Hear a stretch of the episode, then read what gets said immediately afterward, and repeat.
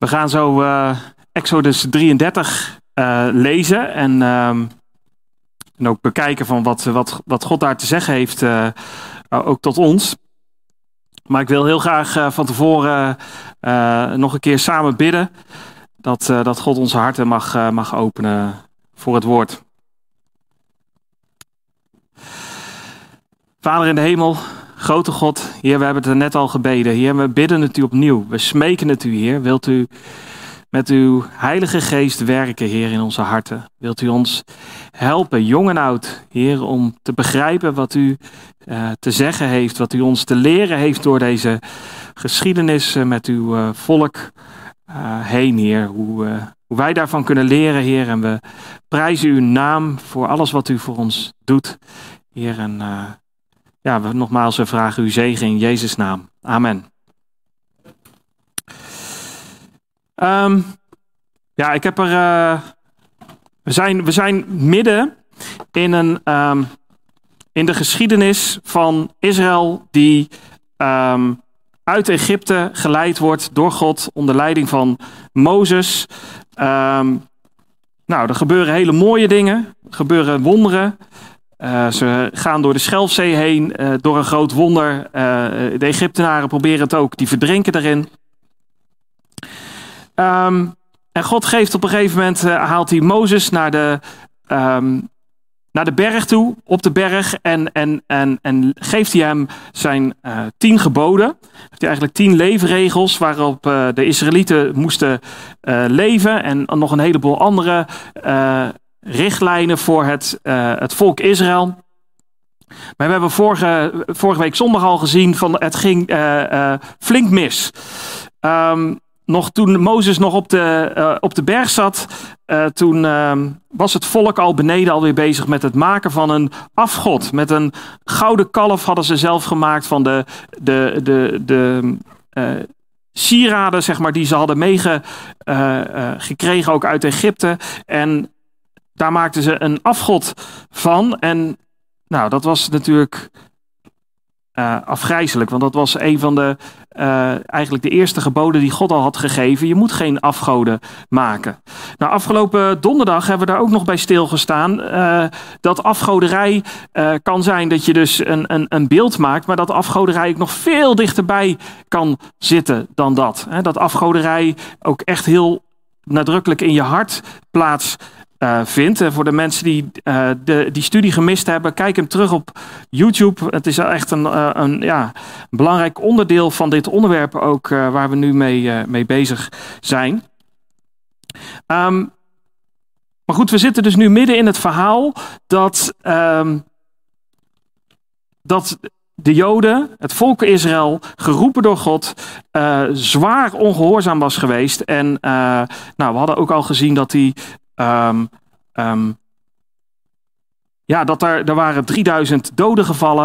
Um, en er was en uh, kwam ook nog een plaag overheen. Dus God was uh, aan het oordelen erover. En, en daar begint eigenlijk, daar zijn we de vorige keer geëindigd, afgelopen uh, zondag. En daar wil ik eigenlijk nu samen verder gaan. Dat is het einde van hoofdstuk 32 en het begin van hoofdstuk 33. En uh, daar zien we eigenlijk nu de gevolgen van de zonde nog eens uh, ja, uitge, uh, ja, ingezoomd eigenlijk. Um, nou, ik had vorige keer al behandeld dat in hoofdstuk 32, vers 35, als God zegt: Zo trof de Heer het volk, omdat zij dat kalf gemaakt hadden, dat Aaron gemaakt had, dat andere verhalingen andere vertalingen ook vertalen dat God een plaag zond. Dus dat was uh, ook nog een, een los oordeel dat God nog stuurde. We weten niet hoeveel mensen daardoor overleden zijn, maar uh, God heeft nog een plaag gestuurd ook nog, omdat zij dus dat kalf gemaakt hadden. Maar het gaat verder, want uh, we zien in hoofdstuk 33, vers 1. Verder sprak de Heere tot Mozes: Ga heen, vertrek van hier.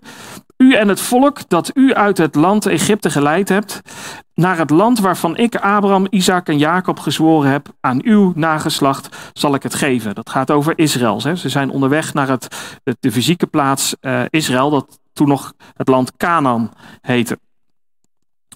Dan zegt hij, ik zal een engel voor u uitzenden. Ik zal de Canaanieten, Amorieten, Hethieten, Ferezieten, Hevieten en Jebusieten verdrijven. Dat waren de mensen die in dat land woonden. Um, in die omgeving. Naar een land dat overvloeit van melk en honing. Maar, daar komt het, maar ik zal zelf niet in uw midden meetrekken, omdat u een halstarrig volk bent en ik u anders onderweg zou vernietigen. Dus ja, het eerste waar we eigenlijk al uh, bij uitkomen is, um, God herhaalt de belofte. Hij had gezegd van aan Abraham, Isaac en Jacob, ik ga jouw nageslacht uh, dit land geven. Um, maar er is nu zoiets gebeurd. God had net een verbond met ze gemaakt. Het, het, het, volk had gezegd: ja, we zullen alles doen wat God zegt. En bam, het eerste uh, wat, er, wat er gebeurt is dat ze gewoon meteen tegen die uh, geboden van God ingaan. En, en zelf een afgod neerzetten. En, en, en daaromheen gingen dansen. En, en God die, die grijpt in en die zegt van ik, uh, hij zegt nog wel een belofte. Ik zal een engel voor u uitzenden. En hij zegt: Ik zal die Canaanieten, Amorieten, Hethieten, Ferezieten en Hevieten en Jebusieten verdrijven. Naar een land dat overvloeit van melk en honing. Dat was een, een term om aan te geven dat het echt een heel mooi land was. Met, met heel vruchtbaar en alles. Maar, er zit een hele grote maar aan. Hij zegt in vers 3, maar ik zal zelf niet in uw midden meetrekken, omdat u een halstarrig volk bent en ik u anders onderweg zou vernietigen. Dus God zegt hier van, ik ben tot nu toe met jullie meegetrokken en ik kap daarmee. Want, want moet je nou eens kijken wat voor ellende er plaatsvindt. Uh, Mozes is heel even weg. Jullie maken een gouden kalf. Het, het, was gewoon een ongehoorzaam volk. En, en, en hier zie je iets terugkomen. Dat God zegt van ja, maar als ik met jullie door zou gaan en jullie zouden nog ongehoorzaam blijven. Ik zou jullie gewoon vernietigen. En dat is helemaal niet zo raar. Want dat zagen we ook al terugkomen in... Um, in hoofdstuk 32, vers 10, dat, uh, dat God tegen Mozes had gezegd: Laat mij mijn gang gaan, hè, laat mij begaan, zodat mijn toorn tegen hen ontbrandt en ik hen vernietig. Dan zal ik, zal ik u tot een groot volk maken. God had al gezegd tegen Mozes: van ja, ik, ik, dan ga ik wel verder met jou. En Mozes, als, als goede middelaar, die, die had gezegd: Nee, dat moet u niet doen. Uh, dat, dat, is, nee, dat, dat is niet goed. Dan, dan zullen andere, andere volken, zoals de Egyptenaren, denken: van, oh, Wat voor God bent u dan? Um, dus Mozes had, uh, was voor het volk in de bres gesprongen, maar nu is er eigenlijk een tweede test. Is, uh, God zegt van ja, ik ga niet in jullie midden mee. En, en dit is ook een test voor het volk. En dan zien we in vers 4, toen het volk deze onheilsboodschap hoorde, bedreven zij rouw en niemand van hen deed zijn sieraden om. Zij beseften heel goed wat dit voor wat dit betekende. Dat God niet meer met hun mee zou gaan. Wat een drama. Wat een drama. God niet meer met hun mee. En we zullen straks ook wel zien van wat dat, waarom dat zo erg is als God dan niet met hun mee zou gaan. En de Heer had namelijk tegen Mozes gezegd: Zeg tegen de Israëlieten: U bent een halstarrig volk. Als ik ook maar één ogenblik in uw midden zou meetrekken, dan zou ik u vernietigen. En dan de opdracht: nu dan, doe uw sieraden af en ik zal weten wat ik u doen zal. Hier zie je God zeggen van, jongens, doe die sieraden nu allemaal af. Ook, die hadden eigenlijk ook al bijgedragen, ook aan al die ellende waar ze nu hadden. Hij, hij geeft hier een opdracht, toon nou berouw. Bekeer je nu. Besef wat je gedaan hebt aan, aan, aan vreselijke daad. En ik zal weten wat ik u doen zal. Daar zie je eigenlijk al uit terugkomen dat God uh, hun nog een keuze geeft. Dat er nog een optie komt. Dat er nog iets, nog iets gaat eh, te gebeuren staat. Maar er zitten dus grote gevolgen aan die afgoderij. Want um, in vers 7 zien we ook, en Mozes nam de tent en zette die voor zichzelf buiten het kamp op, een eind van het kamp vandaan. En hij noemde hem de tent van ontmoeting. Het is niet de, de tabernakel die nog gemaakt was, maar een, een, uh, die later nog gemaakt moest worden. Maar een, een, een tent waar Mozes God uh, in ontmoette. En daarom wordt het de tent van ontmoeting genoemd. Ehm, maar die wordt meteen buiten het kamp geplaatst. Dus hier wordt al meteen eigenlijk gezegd: God wordt uh, uh, in die tent buiten uh, de, het kamp neergezet. En, en hoe confronterend is dat geweest voor de Israëlieten? Dat ze ineens beseften: God is niet meer in ons midden.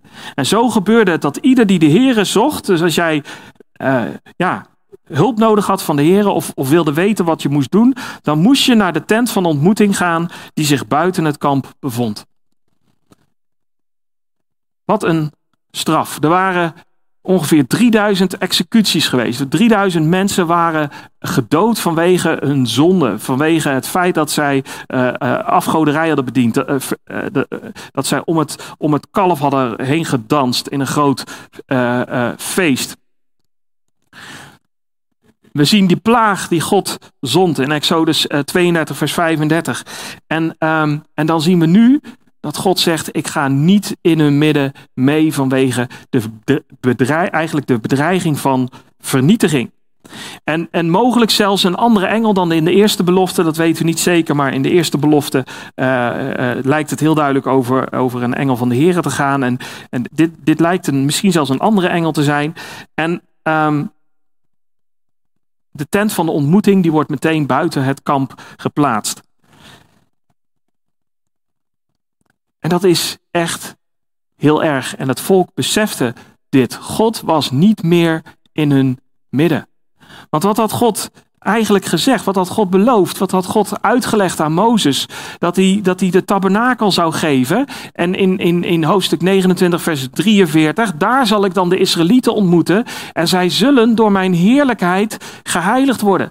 Dus God had beloofd van, van ik ga in jullie midden zijn en jullie zullen geheiligd worden door mijn goedheid, door mijn heerlijkheid, door wie ik ben.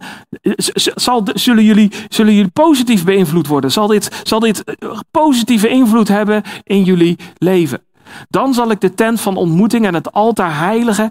En ik zal Aaron en zijn zonen heiligen om voor mij als priester te dienen. Ik zal dan te midden van de Israëlieten wonen en ik zal hun tot een God zijn. God midden in hun in een, in een aardsvolk. Wat een, dat was het enige volk dat die belofte had.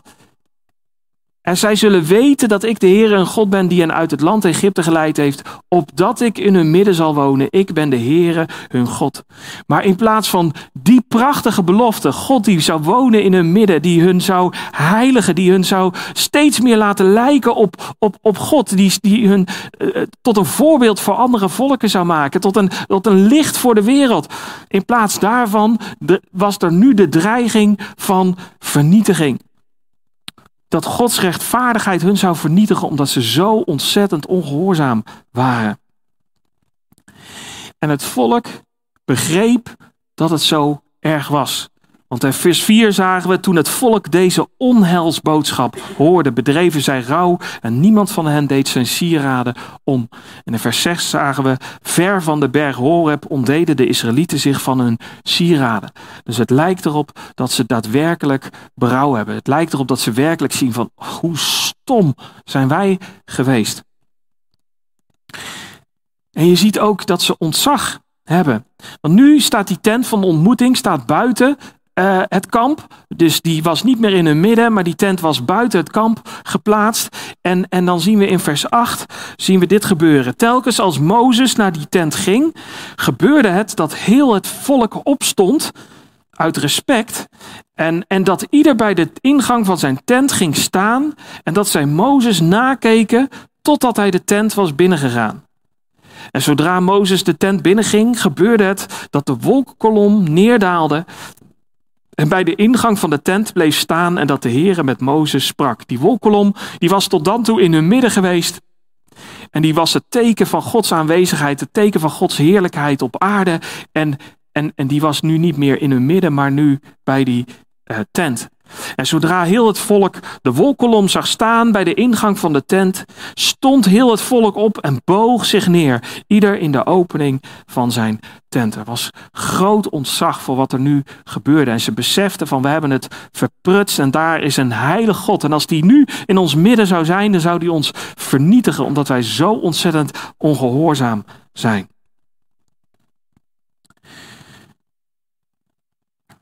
Maar dan zien we iets heel bijzonders in vers 11 met Mozes. Met Mozes, Mozes die had, was niet ongehoorzaam geweest. Mozes was op de, op de, op de, op de berg geweest en Mozes had, was middelaar geweest. Mo, Mozes had, had uh, het, het volk verdedigd of gezegd van ja, vergeef ze toch alstublieft.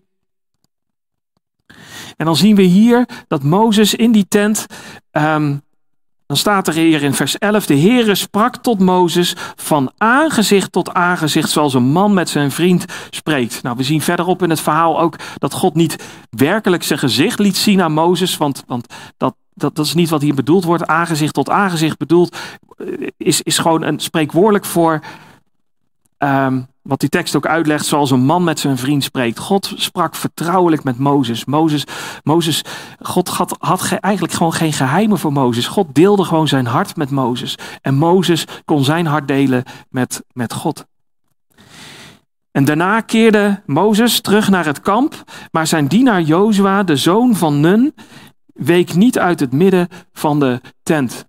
Is een, een, die, die kun je onderstrepen in je Bijbel. Dat is een mooie uh, ja, vaak zie je in de Bijbel van die kleine pareltjes die even ergens ertussendoor staan, alsof het lijkt van, ja, uh, een, een, een, Weet je, het had er net zo goed niet kunnen staan. Dat, dat zou je dan bijna kunnen zeggen. Want je ziet in dit verhaal daar verder niks van terugkomen. Maar God heeft nagedacht over zijn woord. En hij heeft, elk woord is, is, staat opgeschreven met een doel. En als hier staat, maar zijn dienaar Jozua, de zoon van een jonge man, week niet uit het midden van de tent dan heeft dat een bedoeling.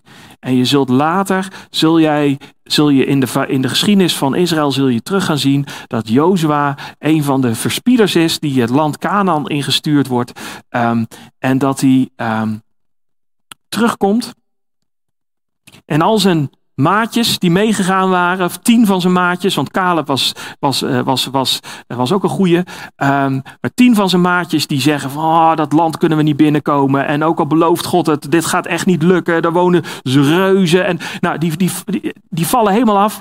Maar die Jozua, die had geloven. Die zegt van als God gezegd heeft dat wij dit land zullen innemen, dan zullen we het innemen. Uh, en Jozua mag ook later, mag hij het land innemen. Um, eigenlijk als vervanger van Mozes. Dus dit is een heel bijzonder iemand. En, en mogelijk is dat hier begonnen. Dat Jozua eigenlijk al zo betrokken was. Ook al was hij jong, ook al was hij nog maar een kleine vent. Uh, dat, dat hij beseft van ik, ik wil bij Mozes zijn, ik wil bij God zijn. Mozes is daar in die tent, daar is God, ik wil daar zo dicht mogelijk bij zijn. Daar lijkt um, dit op te, op te, ja, te duiden. Maar het bijzondere vind ik hier van hoe Mozes met God sprak als een man die met zijn vriend spreekt. Ik, ik zie hier een vooruitwijzing in naar de Heer Jezus. Hoe um, tweeledig, hoe de Heer Jezus als zoon van God natuurlijk uh, één is met de Vader. Hoe, hoe Jezus als zoon van God um, um, uh, de, perf, de perfecte de wil van God kende. En perfect God kende, maar ook hoe hij onze vriend wil zijn. En hoe wij een vriendschap mogen hebben met Jezus. En dan legt de Heer Jezus uit in Johannes 15, vers 12 tot en met 15. U bent mijn vrienden als u doet wat ik u gebied. Zegt van, als jullie mij gehoorzamen, dan ben je mijn vriend. En dan, dat, dat klinkt een voorwaardelijke vriendschap, maar dat, ja, dat, is, dat is eigenlijk juist iets heel bijzonders. Want um, hij zegt ook, ik noem u niet meer mijn dienaren, of slaven, staat er ook wel, want een dienaar weet niet wat zijn heer doet, maar ik heb u vrienden genoemd, omdat ik u alles wat ik van mijn vader gehoord heb, bekendgemaakt heb. Dus als wij Jezus gehoorzamen, als wij Jezus volgen, um, in alles wat hij van ons vraagt, dan zijn we zijn vrienden. Dan noemt Jezus ons zijn vrienden. Omdat hij ook ons dan alles bekend maakt. Um, wat hij van de Vader geleerd heeft. En dat maakt hij bekend, dat heeft hij bekendgemaakt in zijn woord, in de Bijbel. En dan zegt hij niet, u hebt mij uitverkoren, maar ik heb u uitverkoren. En ik heb u toe bestemd dat u heen zou gaan en vrucht zou dragen en dat u vrucht zou blijven. Dat wat u ook maar doet, maar van de Vader vraagt in mijn naam, hij u dat geeft. Dat is die intieme relatie die wij mogen hebben met de Heer Jezus. En als wij samen wandelen met de Heer Jezus, als wij doen wat hij zegt, dan noemt Jezus jou zijn vriend. En dat vind ik het bijzondere. Sommige mensen zeggen wel, ja, hè, ik, ben, ik noem Jezus mijn vriend.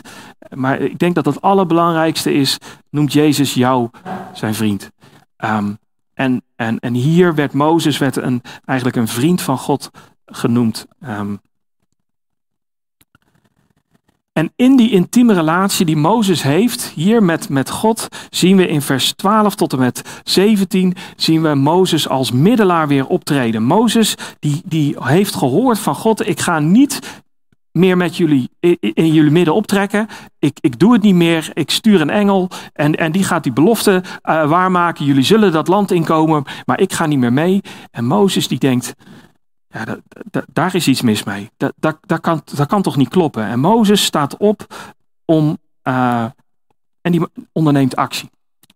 Wat zegt hij dan in vers 12? Toen zei Mozes tegen de heren, zie, u zegt tegen mij, laat dit volk verder trekken. U echter, u hebt mij niet laten weten wie u met mij meezendt, terwijl u zelf gezegd hebt, ik ken u bij uw naam en ook, u hebt genade gevonden in mijn ogen.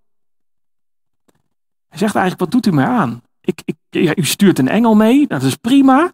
Maar ik weet eigenlijk helemaal niet wie er dan meegaat. U gaat niet mee. Ja, maar wie dan? En, eh, maar ik dacht toch dat ik een persoonlijke relatie met u had.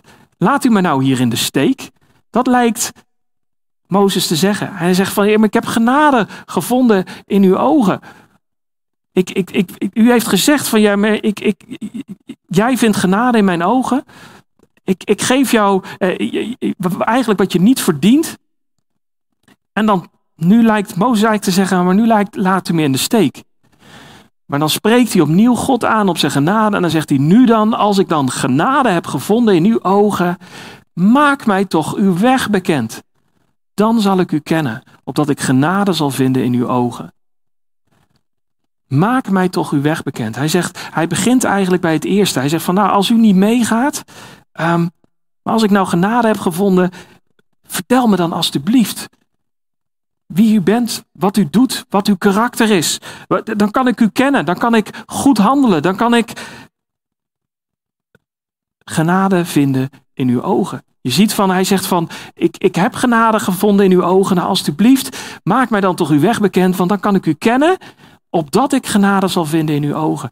Het is, is, is, hij beseft van als ik leef zoals God wil dat ik leef, um, dan zal ik ook weer genade vinden in Gods ogen. Dan, dan, dan leef ik zoals God dat wil. En um, we zien ook dat Mozes zijn gebed, als hij hier dat bidt, dat dat ook verhoord is. In Psalm 103, vers 7 schrijft David, hij heeft aan Mozes zijn wegen bekendgemaakt en aan de nakomelingen van Israël zijn daden. Mozes heeft de eerste vijf boeken van de Bijbel uh, uh, uh, mogen schrijven.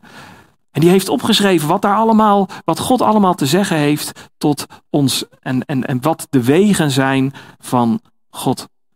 Dus God ja, verhoorde dit gebed van Mozes. Maar dat is ontzettend belangrijk wat hij hier vraagt. Hij vraagt: Maak mij uw weg bekend. Hij wilde Gods wil kennen om hem te leren kennen. En, en Paulus die schrijft hierover in, in, in Colossense, die, die bidt eigenlijk iets vergelijkbaars. In het Nieuwe Testament, als Jezus is gekomen en, en, en de, de, de gemeente van Colosse is ontstaan, um, dan, dan bidt Paulus voor um, voor, de, voor die mensen daar, voor de christenen daar. Daarom houden ook wij niet op vanaf de dag dat wij het gehoord hebben, voor u te bidden en te smeken. En dan zie je wat zijn inhoud is van zijn gebed. Dat u vervuld mag worden met de kennis van zijn wil, in alle wijsheid en geestelijk inzicht, zodat u wandelt op een wijze de Heere waardig hem in alles behaagt, in elk goed werk vrucht draagt en groeit in de kennis van God. Dus het kennen van Gods wil, weten wat God wil met ons leven, dat is het alle, alle, allerbelangrijkste. En dan gaan we, als het goed is, lopen op die manier. Dan gaan we wandelen daarna. Dus eerst moeten we het weten wat God van ons vraagt. En dan moeten we het uitvoeren. En als dat gebeurt, is daar een, eigenlijk een, een, een, gevolg. Nou, en, en die wordt op andere plekken ook beloofd. Is dat wij groeien in de kennis van God. Dan leer je God kennen van dichtbij. In die persoonlijke relatie zoals, zoals, zoals de Heer Jezus die ook ons belooft. En zoals Mozes die hier ook had met God dan kunnen we God van dichtbij leren kennen als liefdevolle Vader. En dan terwijl u met alle kracht bekrachtigd wordt, overeenkomstig de sterkte van zijn heerlijkheid. Hier weer die heerlijkheid van God. Om met blijdschap in alles te volharden en geduld te oefenen. Het gaat niet makkelijk zijn. Um, maar we zullen die blijdschap hebben en we zullen volharden en geduld oefenen. Als we zijn wil kennen en dat uh, uitvoeren. En Mozes besefte dat en daarom bad hij daar ook voor. Maar er is ook nog een klein ander dingetje. Wat, wat Mozes ook hier vraagt. En zie aan dat deze natie uw volk is. In um, ehm, 33 vers 13. En die viel mij op. Die heb ik met een cirkel omstreept.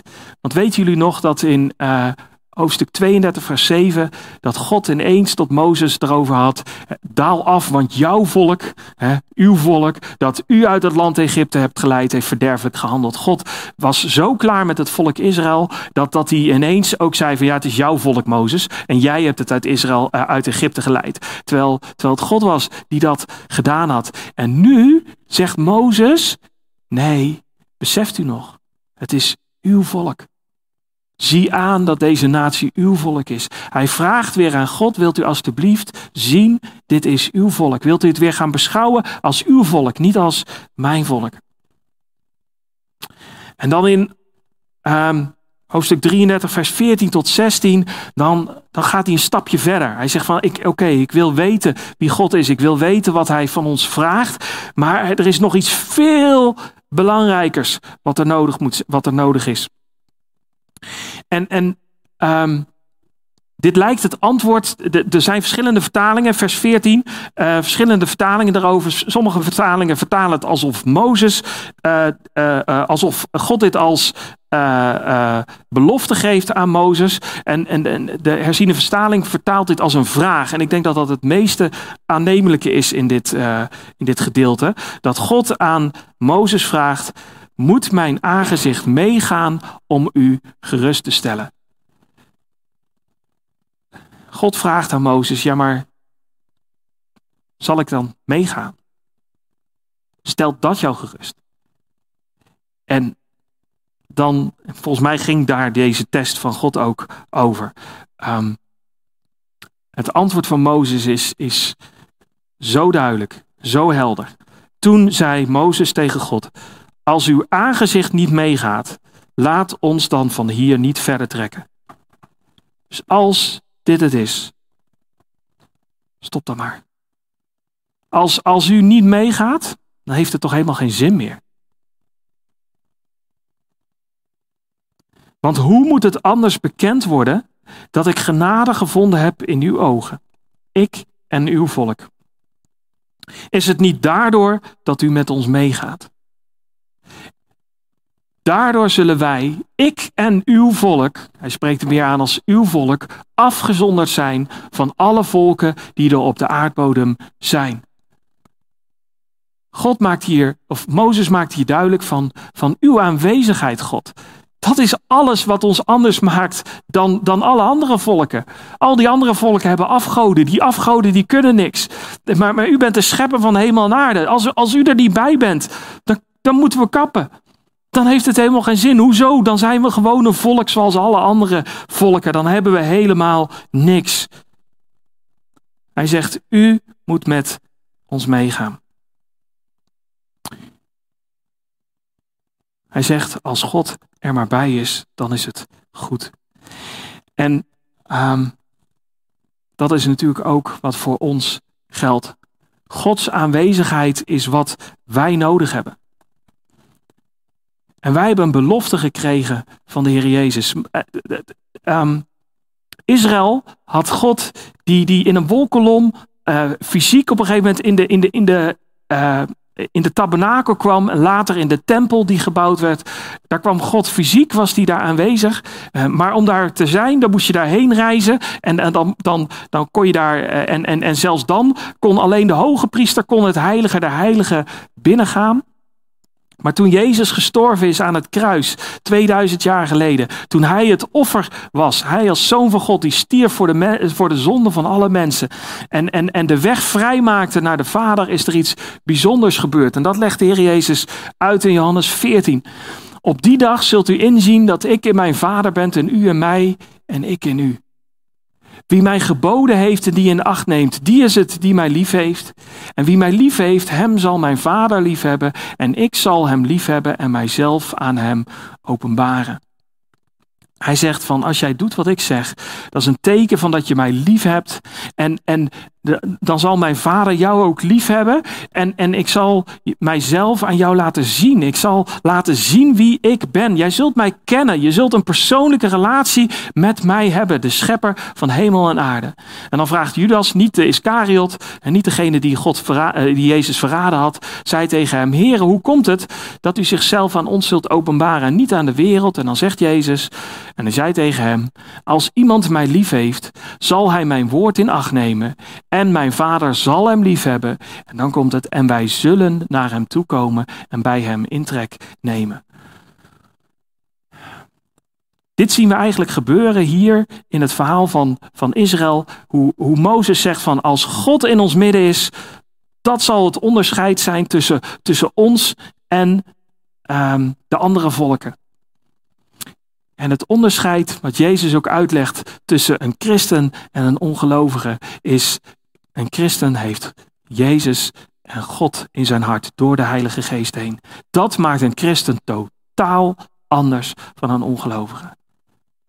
Totaal anders. De Bijbel legt uit van als jij tot geloof komt in de Heer Jezus, dan word je een nieuwe schepping.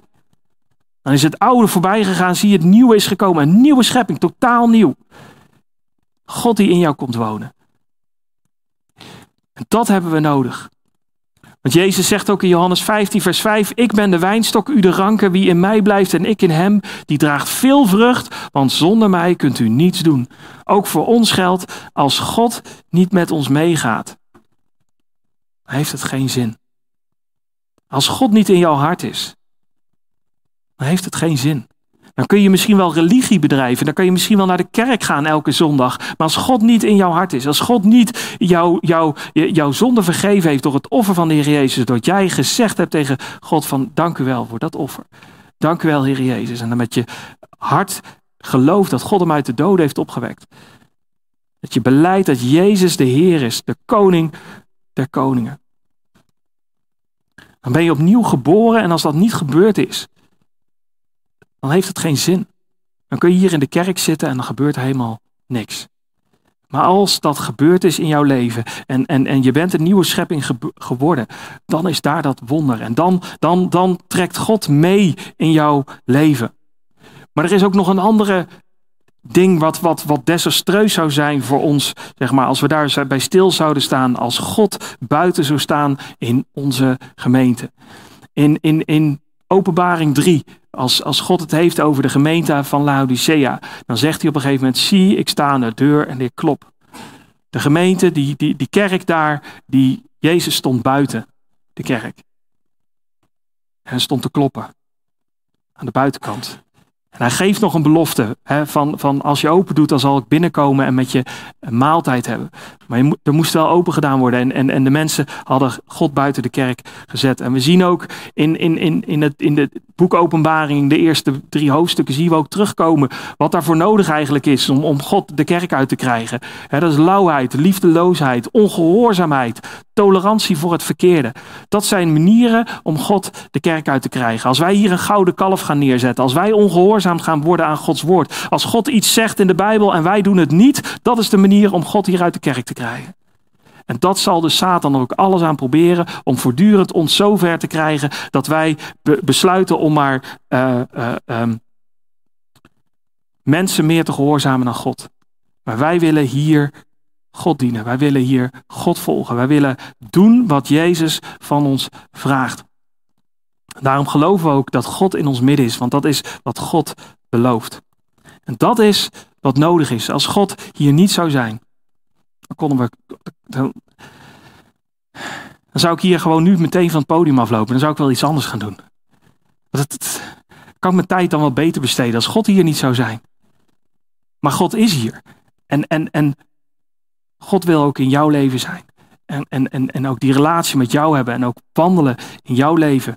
Ehm, en dan heeft je leven werkelijk zin. En hier in Exodus 33 gaat Mozes verder. heeft, God heeft net gezegd van, van um, in, um, in vers 17 zien we nu, toen zei de Heer tegen Mozes, ook dit woord dat u spreekt zal ik doen, want u hebt genade gevonden in mijn ogen en ik ken u bij uw naam. Dat is de manier van God om aan te geven van ja, ik, ik, ik, ik, ik ken jou, ik, ik hou van jou, jij, ik, ik ken jou persoonlijk. Die relatie inderdaad die wij hebben. Um, je hebt genade gevonden in mijn ogen. Ik doe wat jij van mij vraagt.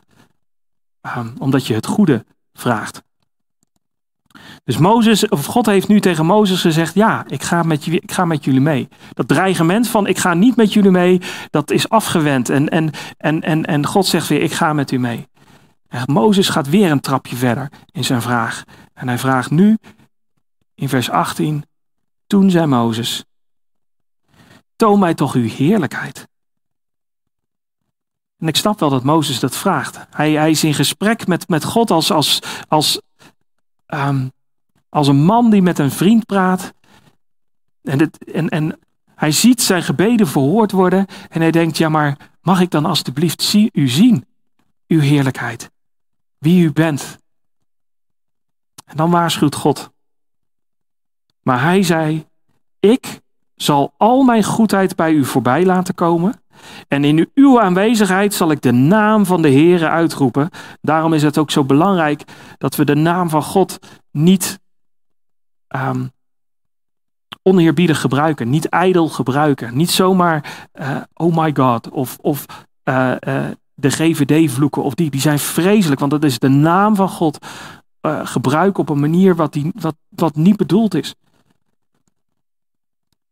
Want in uw aanwezigheid zal ik de naam van de Heer uitroepen, maar ik zal genadig zijn voor wie ik genadig zal zijn. En ik zal mij ontfermen over wie ik mij ontfermen zal. Hij maakt duidelijk van, ik, ik ben de, uh, de bedenker eigenlijk ook van genade. Ik, ben de, ik, ik, ik ga daarover. Ik, ik toon wie ik, uh, ik, ik, ik zal genadig zijn voor wie ik genadig zal zijn. En ik zal me ontfermen over wie ik mij ontfermen zal. En hij zei verder: U zou mijn aangezicht niet kunnen zien, want geen mens kan mij zien en in leven blijven. Een, um, iets heel belangrijks wat hier gezegd wordt. God is zo heilig, God is zo groot. Als wij als zondig mens God zouden zien, zouden we, pam, instantaan dood neervallen. En, mensen hebben al, ik, ik, ik, ik eh, las laatst een nieuwsbericht, een heel naar nieuwsbericht van iemand die, die uh, um, bij, bij, bij een, een, een bungee jump ongeluk om het leven is gekomen. Um, zonder touw gesprongen in plaats van dat ze aan het touw vast zat. Um, en wat er gebeurde is ze overleed. Ze was overleden voordat ze op de grond terecht kwam. Vanwege de angst. De hart was gestopt vanwege de angst van ik, ik val zo hard. En ik denk dat dat het geval zou zijn. Dus als wij God zouden zien in al zijn heiligheid, zou ons hart meteen stoppen. Zouden uit, uit, God is zo heilig. Bij hem kan geen enkele zonde zijn. En alle zonde uit ons, die in ons is, die zou dan zichtbaar zijn. En, en, en wij zouden nou, doodsbang zijn. En, en zouden sterven.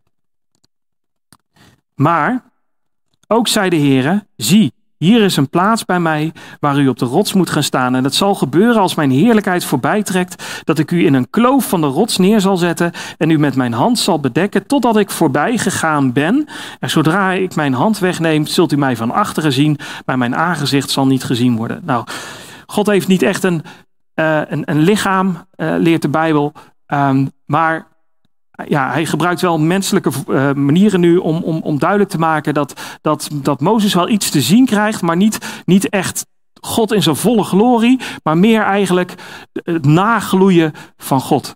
Is, is als, hè, het, het, um, wat we hier dus zien is, is God, God zegt van ik ben de bron van genade en ontferming en een zondig mens kan God niet zien en leven. Maar Mozes die krijgt wel een gedeelte van zijn gebed verhoord en, en hij krijgt iets van God te zien um, um, En dat kwam omdat hij in zo'n bijzondere positie was. Zo, zo dicht bij God leefde, zo dicht met hem wandelde.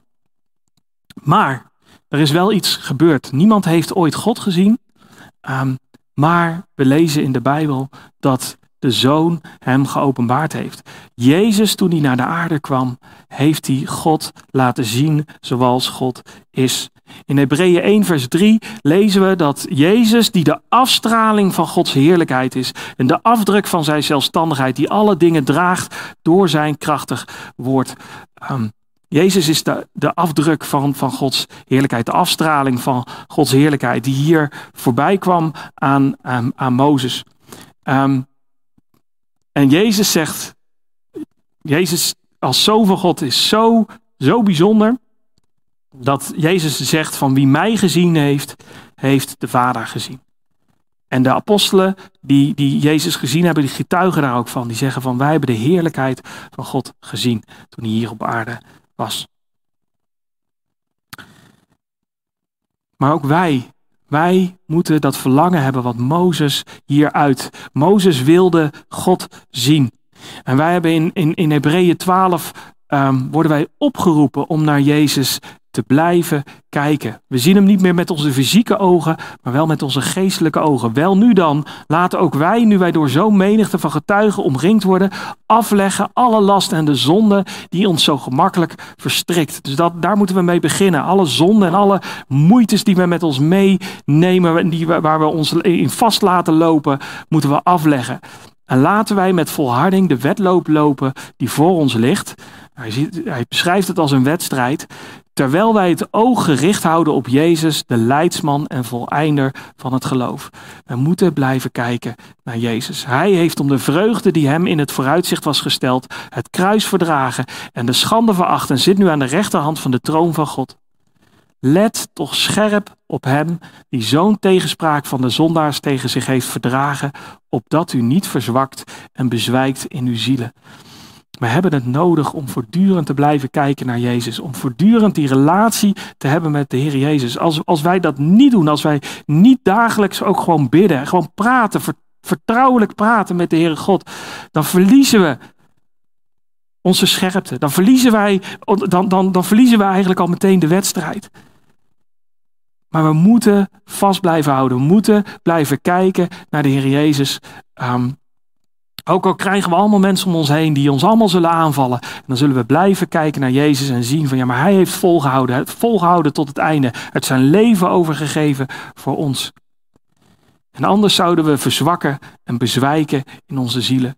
En dan in vers 14 staat daar in datzelfde hoofdstuk een heel bijzondere tekst. Jaag de vrede na met allen en de heiliging, zonder welke niemand de Here zal zien. Ik denk dat dat tweeledig is. Ik denk dat um, de schrijver van de Hebreeënbrief erop doelt dat wij, zonder dat wij heiliging hebben in ons leven, dat we steeds meer gaan lijken op de Heer Jezus, zullen wij ook niet eh, groeien in die relatie met de Heer Jezus. Zullen wij ook niet Jezus steeds beter leren kennen. Want dat kan namelijk niet. Want, dan, want als wij uh, Jezus gaat namelijk die kant op in ons leven. En als wij ongehoorzaam zijn, dan gaan wij een andere kant op in het leven. En dan groeien wij zeg maar uit elkaar. Maar als wij Jezus gehoorzamen, dan blijven we dicht bij Jezus. En dan zullen we hem steeds beter leren kennen. En zullen we. En die heiliging is een voorwaarde. Dus om het voor de zien van de Heer Jezus. En ik denk dat dat voor nu is, maar ook voor later. Als wij ik denk dat dit is van als, als, als er geen heiliging is in jouw leven, als jij in jouw leven gewoon blijft doorleven uh, als een ongelovige, dan waarschuwt de Bijbel, dan ben je helemaal geen kind van God.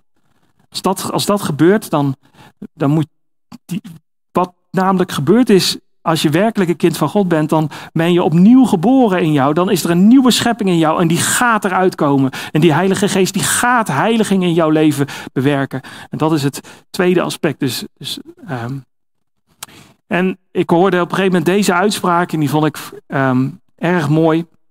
Het is heel belangrijk om te beseffen eigenlijk. Elke keer dat je naar je eigen ik kijkt, kijk dan tien keer naar Jezus. Als wij naar onszelf kijken, denken we van, wat, wat, wat heb ik er nou weer van gebakken? Wat heb ik het nou weer verprutst?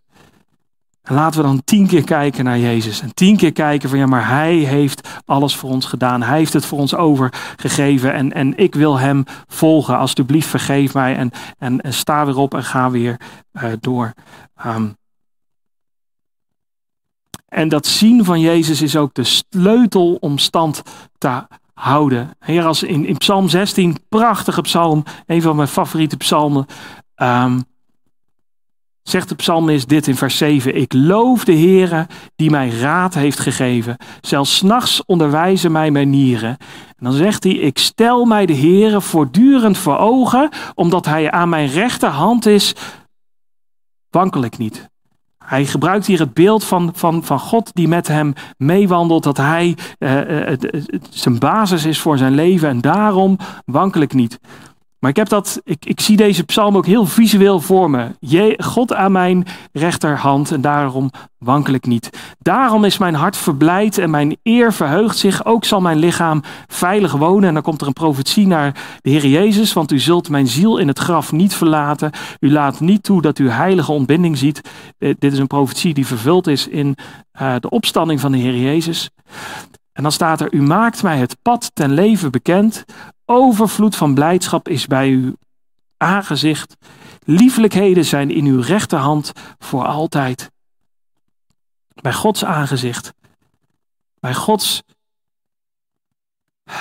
Bij het kennen van God. Als wij zo intiem zijn bij God, dan is daar overvloed van blijdschap. En liefelijkheden zijn in uw rechterhand voor altijd. En als ik deze psalm zo voor me ziet, dan, dan zegt David aan de ene kant, um, de Heere is aan mijn rechterhand.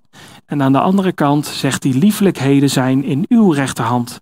En hoe kan dat eigenlijk alleen maar als God zo recht voor David staat? Um, dat, zo zie ik dat voor me. Van dat, dat David uh, intiem recht voor God staat en zegt van ja, maar omdat u um, um, bij mij bent, daarom ben ik blij. Omdat u bij me bent, daarom wankel ik niet. Omdat u voor mij zorgt. Dat is de reden waarom ik blij mag leven. Stand zal houden.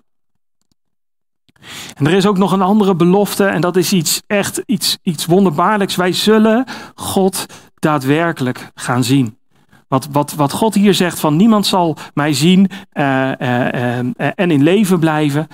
Um, straks als wij een verheerlijk lichaam zullen hebben, als wij een, een nieuw, als wij ook bij deze nieuwe mens die we gekregen hebben, ook een nieuw lichaam hebben gekregen, dan zullen wij God zien zoals hij is. In 1 Johannes 3 vers 2, wij weten dat als hij geopenbaard zal worden, wij hem gelijk zullen zijn, want wij zullen hem zien zoals hij is. En dat kan alleen maar als wij ook hem gelijk zullen zijn, zonder zonde, zonder perfect. Wij zullen dan uh, geen zonde ook meer, geen verlangen meer hebben naar zonde. Wij zullen zijn zoals uh, God is.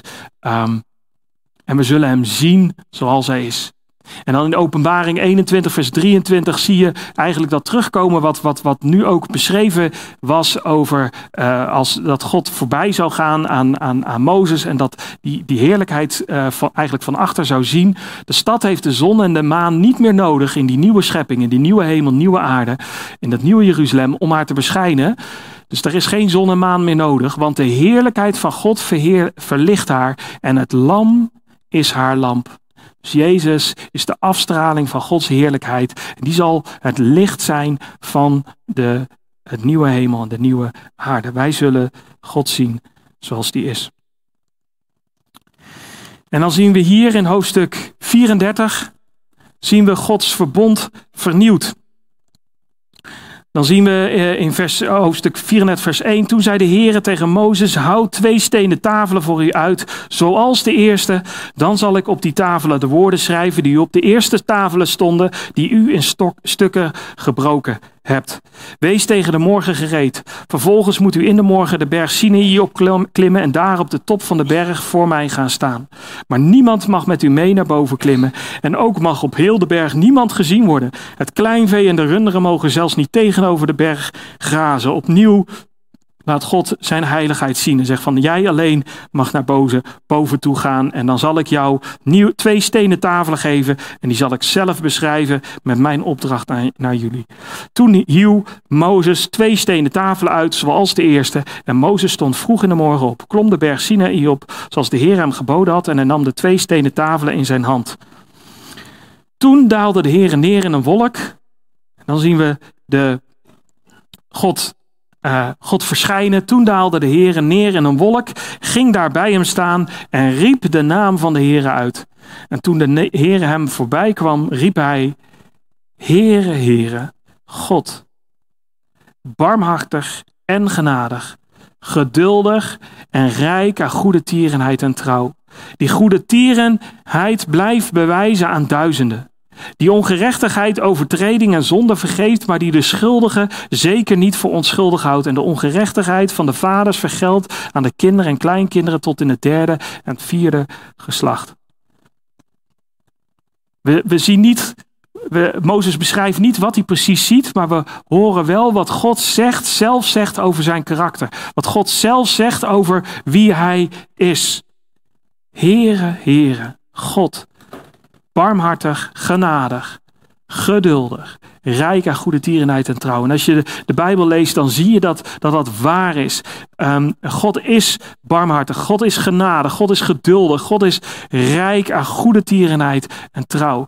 Eh, als je kijkt hoe vaak het volk heeft afgeweken van, hun, van, van zijn geboden. En hoe vaak hij toch weer terugkwam bij het volk en weer zei van ik ga jullie verder helpen, ik ga jullie redden, ik ga, jullie, ik ga weer verder met jullie. Daar laat zien dat God barmhartig en genadig is. En er zijn wel eens mensen die beweren dat de God van het Oude Testament een andere God is dan een God van het Nieuwe Testament. En dan dat baseren ze dan op het feit dat, dat God uh, instrueert op bepaalde plekken om, om, om volkeren uit te moorden.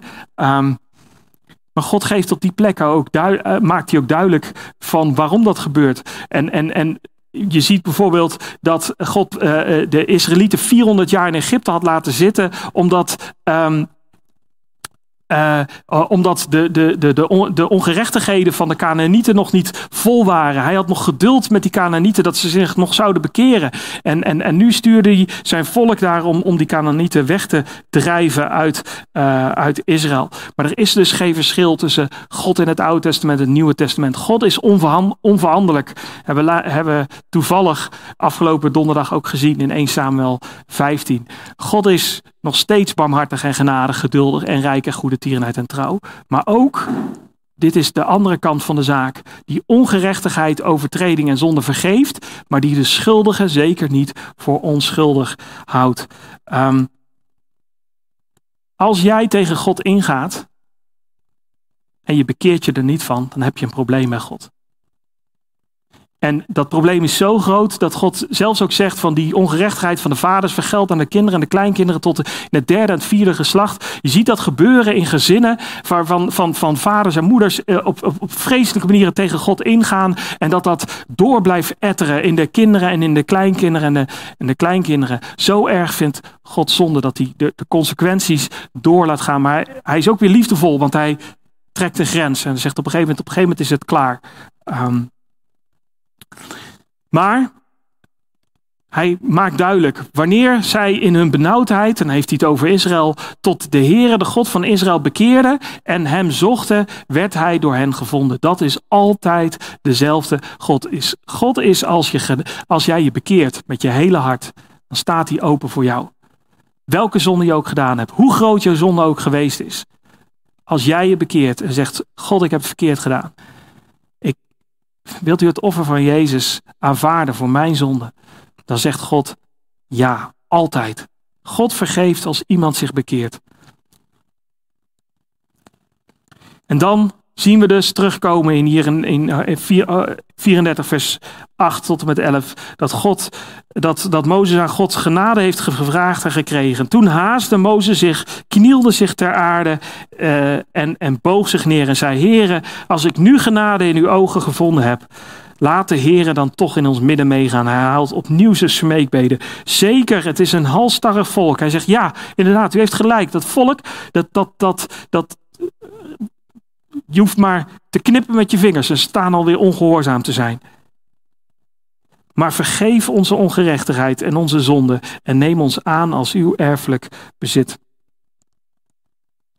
En dan zegt God, toen zei hij, zie, ik sluit een verbond. Ten overstaan van heel uw volk zal ik wonderen doen, zoals die op de hele aarde en onder welk volk ook nog nooit tot stand gebracht zijn.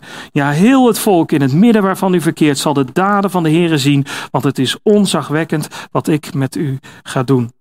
En dan opnieuw die oproep, houd u aan wat ik u heden gebied. Zie, ik zal de Amorieten, Canaanieten, Hethieten, Ferezieten, Hevieten en Jebusieten voor u uit verdrijven. En dan gaan we volgende week gaan we verder bij wat God daar nog meer aan, aan, aan uitlegt. Um, en wat voor effect het ook heeft dat Mozes van aangezicht tot aangezicht met, met God uh, kon uh, praten. Dat had gewoon invloed op, op hoe God eruit zag. Um, of hoe Mozes eruit zag. Mozes zijn gezicht ging stralen. Uh, zodanig dat hij uh, zijn gezicht ging bedekken. Maar goed, daar gaan we de volgende keer uh, naar kijken. Um, maar ik denk dat de, de, de, de kern van de boodschap van vandaag is, is, is. Als God maar bij ons is, dan is het goed. Um, en de vraag die voor jou in jouw leven is: is God in jouw leven? Is God in jouw hart? Dat is de eerste, belangrijkste vraag die er is. Heb jij het offer van de Heer Jezus uh, aanvaard en ben jij een kind van God uh, geworden? Um, dan is God in je hart. En dat is het aller, allerbelangrijkste dat er is. En het tweede is voor ons allemaal. Laten we alsjeblieft vasthouden aan Gods woord. Laten we alsjeblieft vasthouden aan wat Hij zegt. En met z'n allen hier blijven. Jezus blijven volgen in alles dan zal God ook hier in ons midden blijven en krachtig zal blijven werken. Dat, er, um, uh, dat, dat ook Eindhoven zal, zal horen van, um, van Jezus. Um, zullen we bidden.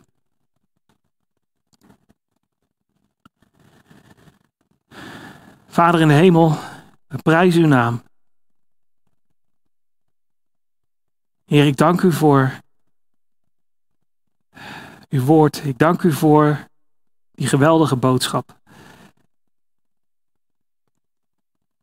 Dat u in ons hart wil komen wonen als wij in u geloven en u willen gehoorzamen in ons leven. Dat we u dan altijd bij ons zullen hebben. Nooit meer alleen zullen zijn. Altijd. En dat is het allerbelangrijkste. Hebben we Mozes nu ook zien getuigen. Het aller, allerbelangrijkste hier is dat u bij ons bent. Dat we u mogen kennen als vader, liefdevolle vader. Genadig, barmhartig, trouw. En we prijzen uw naam daarvoor, Heer Jezus. Amen.